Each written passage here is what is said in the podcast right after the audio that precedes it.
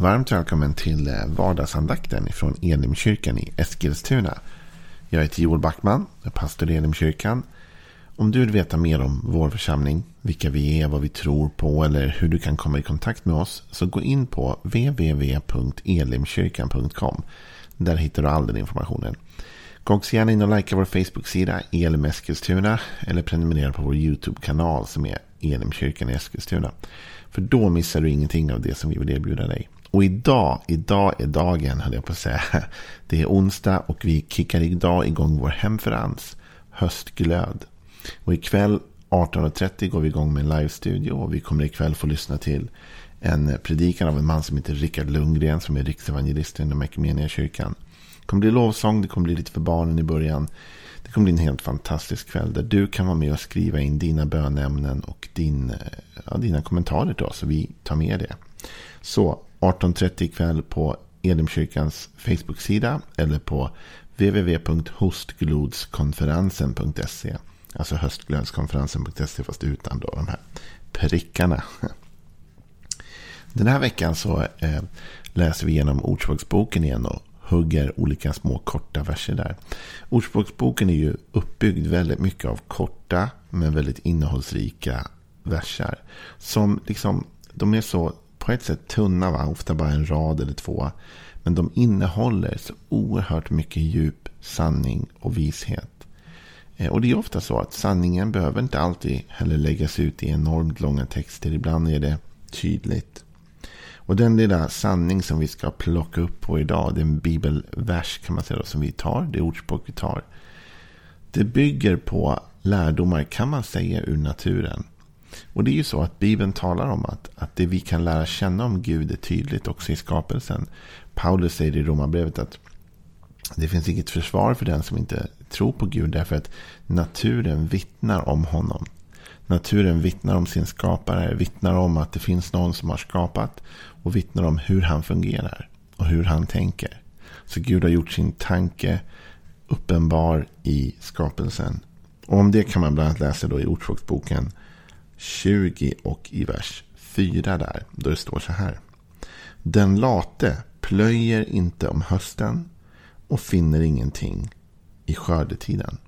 Den late plöjer ingenting om hösten och finner ingenting i skördetiden. Det här är en bild hämtad ifrån jordbruk, hämtad ifrån hur naturen fungerar, men också hur människor fungerar. Så det är två element kan man säga av detta. Det ena är vad människan kan göra. Och det andra är vad jorden gör som inte vi på ett sätt kan påverka. I alla fall inte fullt ut. Det ena är att människan plöjer och sår och jobbar med jorden. Och det andra är att jorden sen behöver sin tid för att producera det som människan har planterat ner. Problemet är då med den late personen, säger Ordspråksbokens författare, att när han kommer till skördetid så hittar han ingen skörd i sitt liv.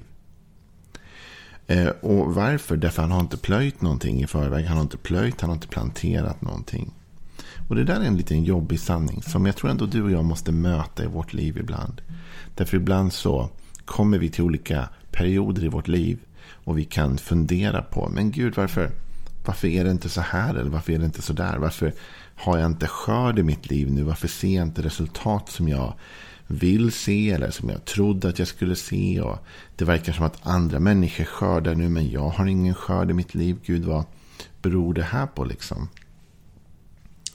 Ibland är den jobbiga sanningen för mig, får jag tala till mig själv, jag vet inte hur ditt liv ser ut, men jag kan ju tala till mig själv och till mitt eget liv. Ibland är den jobbiga sanningen den att jag ser ingen skörd i skördetiden. Därför att jag har inte plöjt och jag har inte plogat och jag har inte sått någonting tidigare.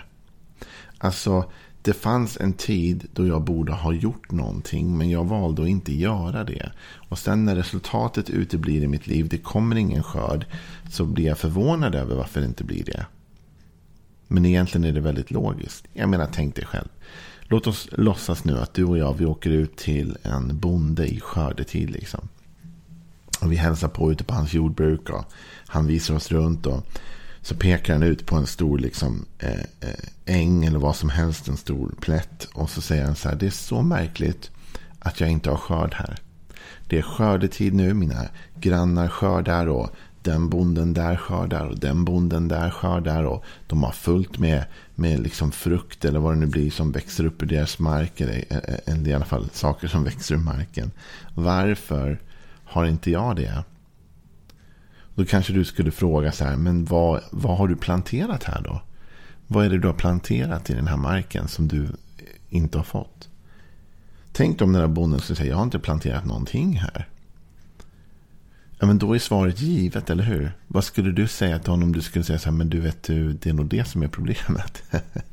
du vet, dina grannar här och bonden där och bonden där, de, de plöjde ju upp marken. Kommer du ihåg att de plöjde upp här för ett halvår sedan marken och, och började plantera ner saker? Och, och du vet, det är därför de har skörd nu. Vad gjorde du då? Nej, men då orkade jag inte vara hemma eller jag kopplade av eller jag var på semester eller gjorde vad som helst.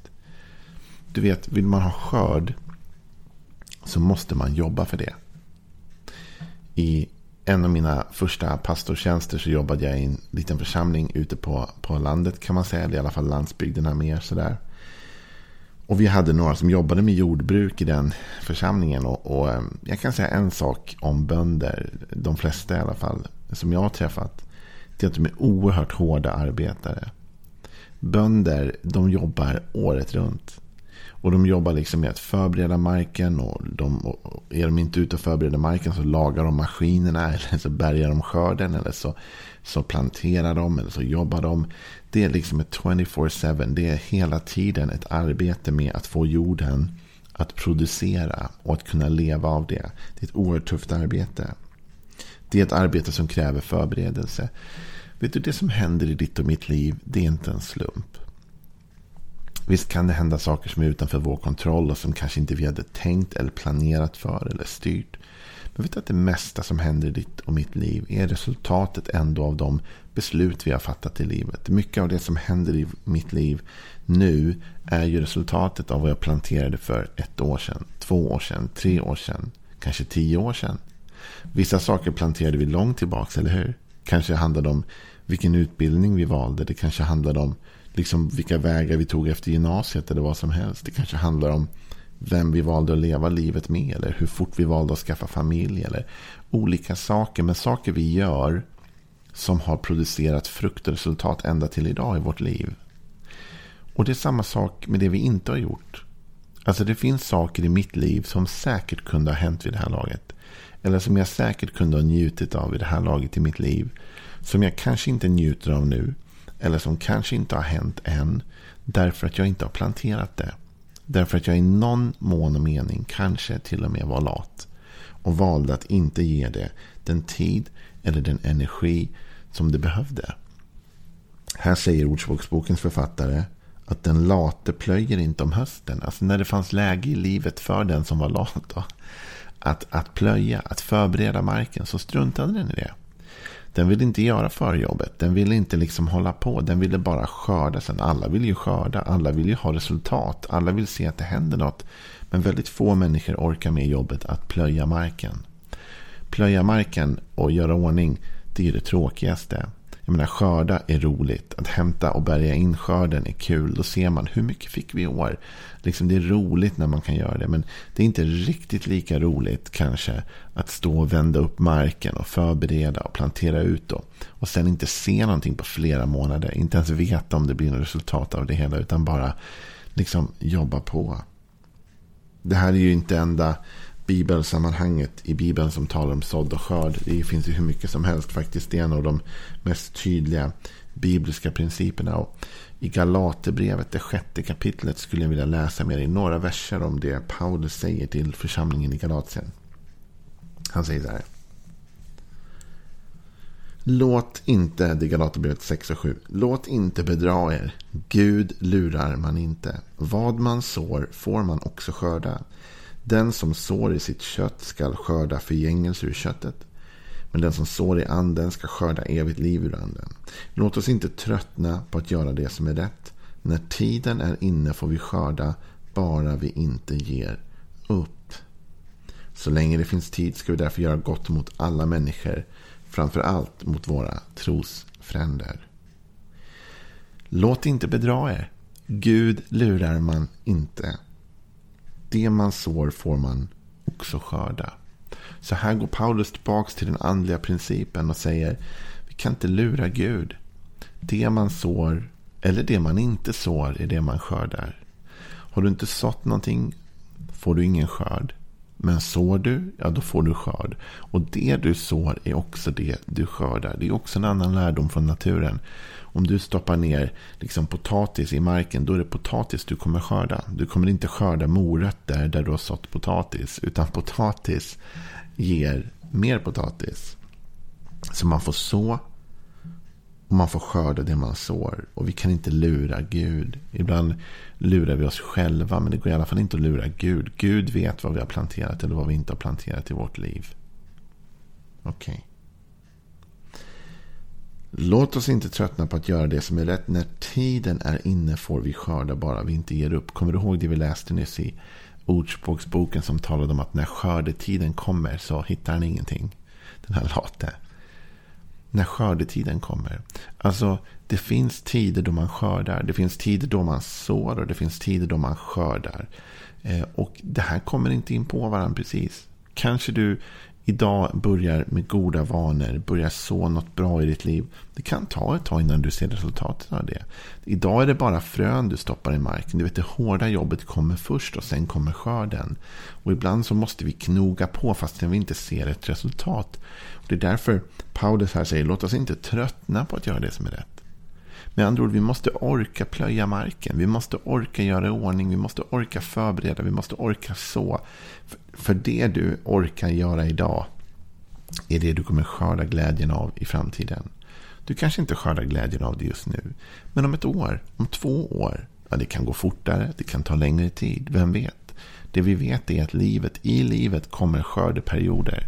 Det kommer perioder då vi helt plötsligt märker att det där jag investerade så mycket i förr, helt plötsligt har jag nytta av det nu. Den där tiden jag la på det där eller engagemanget jag investerade i det där eller vad jag gjorde, det ger nu skörd. Och då kanske du säger så här, men Joel, hur kan jag veta att det jag nu investerar i verkligen, verkligen kommer ge resultat, kommer ge skörd? För det första så säger ju Bibeln här att det vi sår, det kommer vi också få skörda. Men jag skulle vilja ge dig en annan vinkling på det där också. Jag skulle vilja säga så här, jag vet kanske inte, jag kanske inte har exakt svaren på det. Men här är en sak jag vet. Om du inte gör någonting idag så kommer du inte skörda någonting.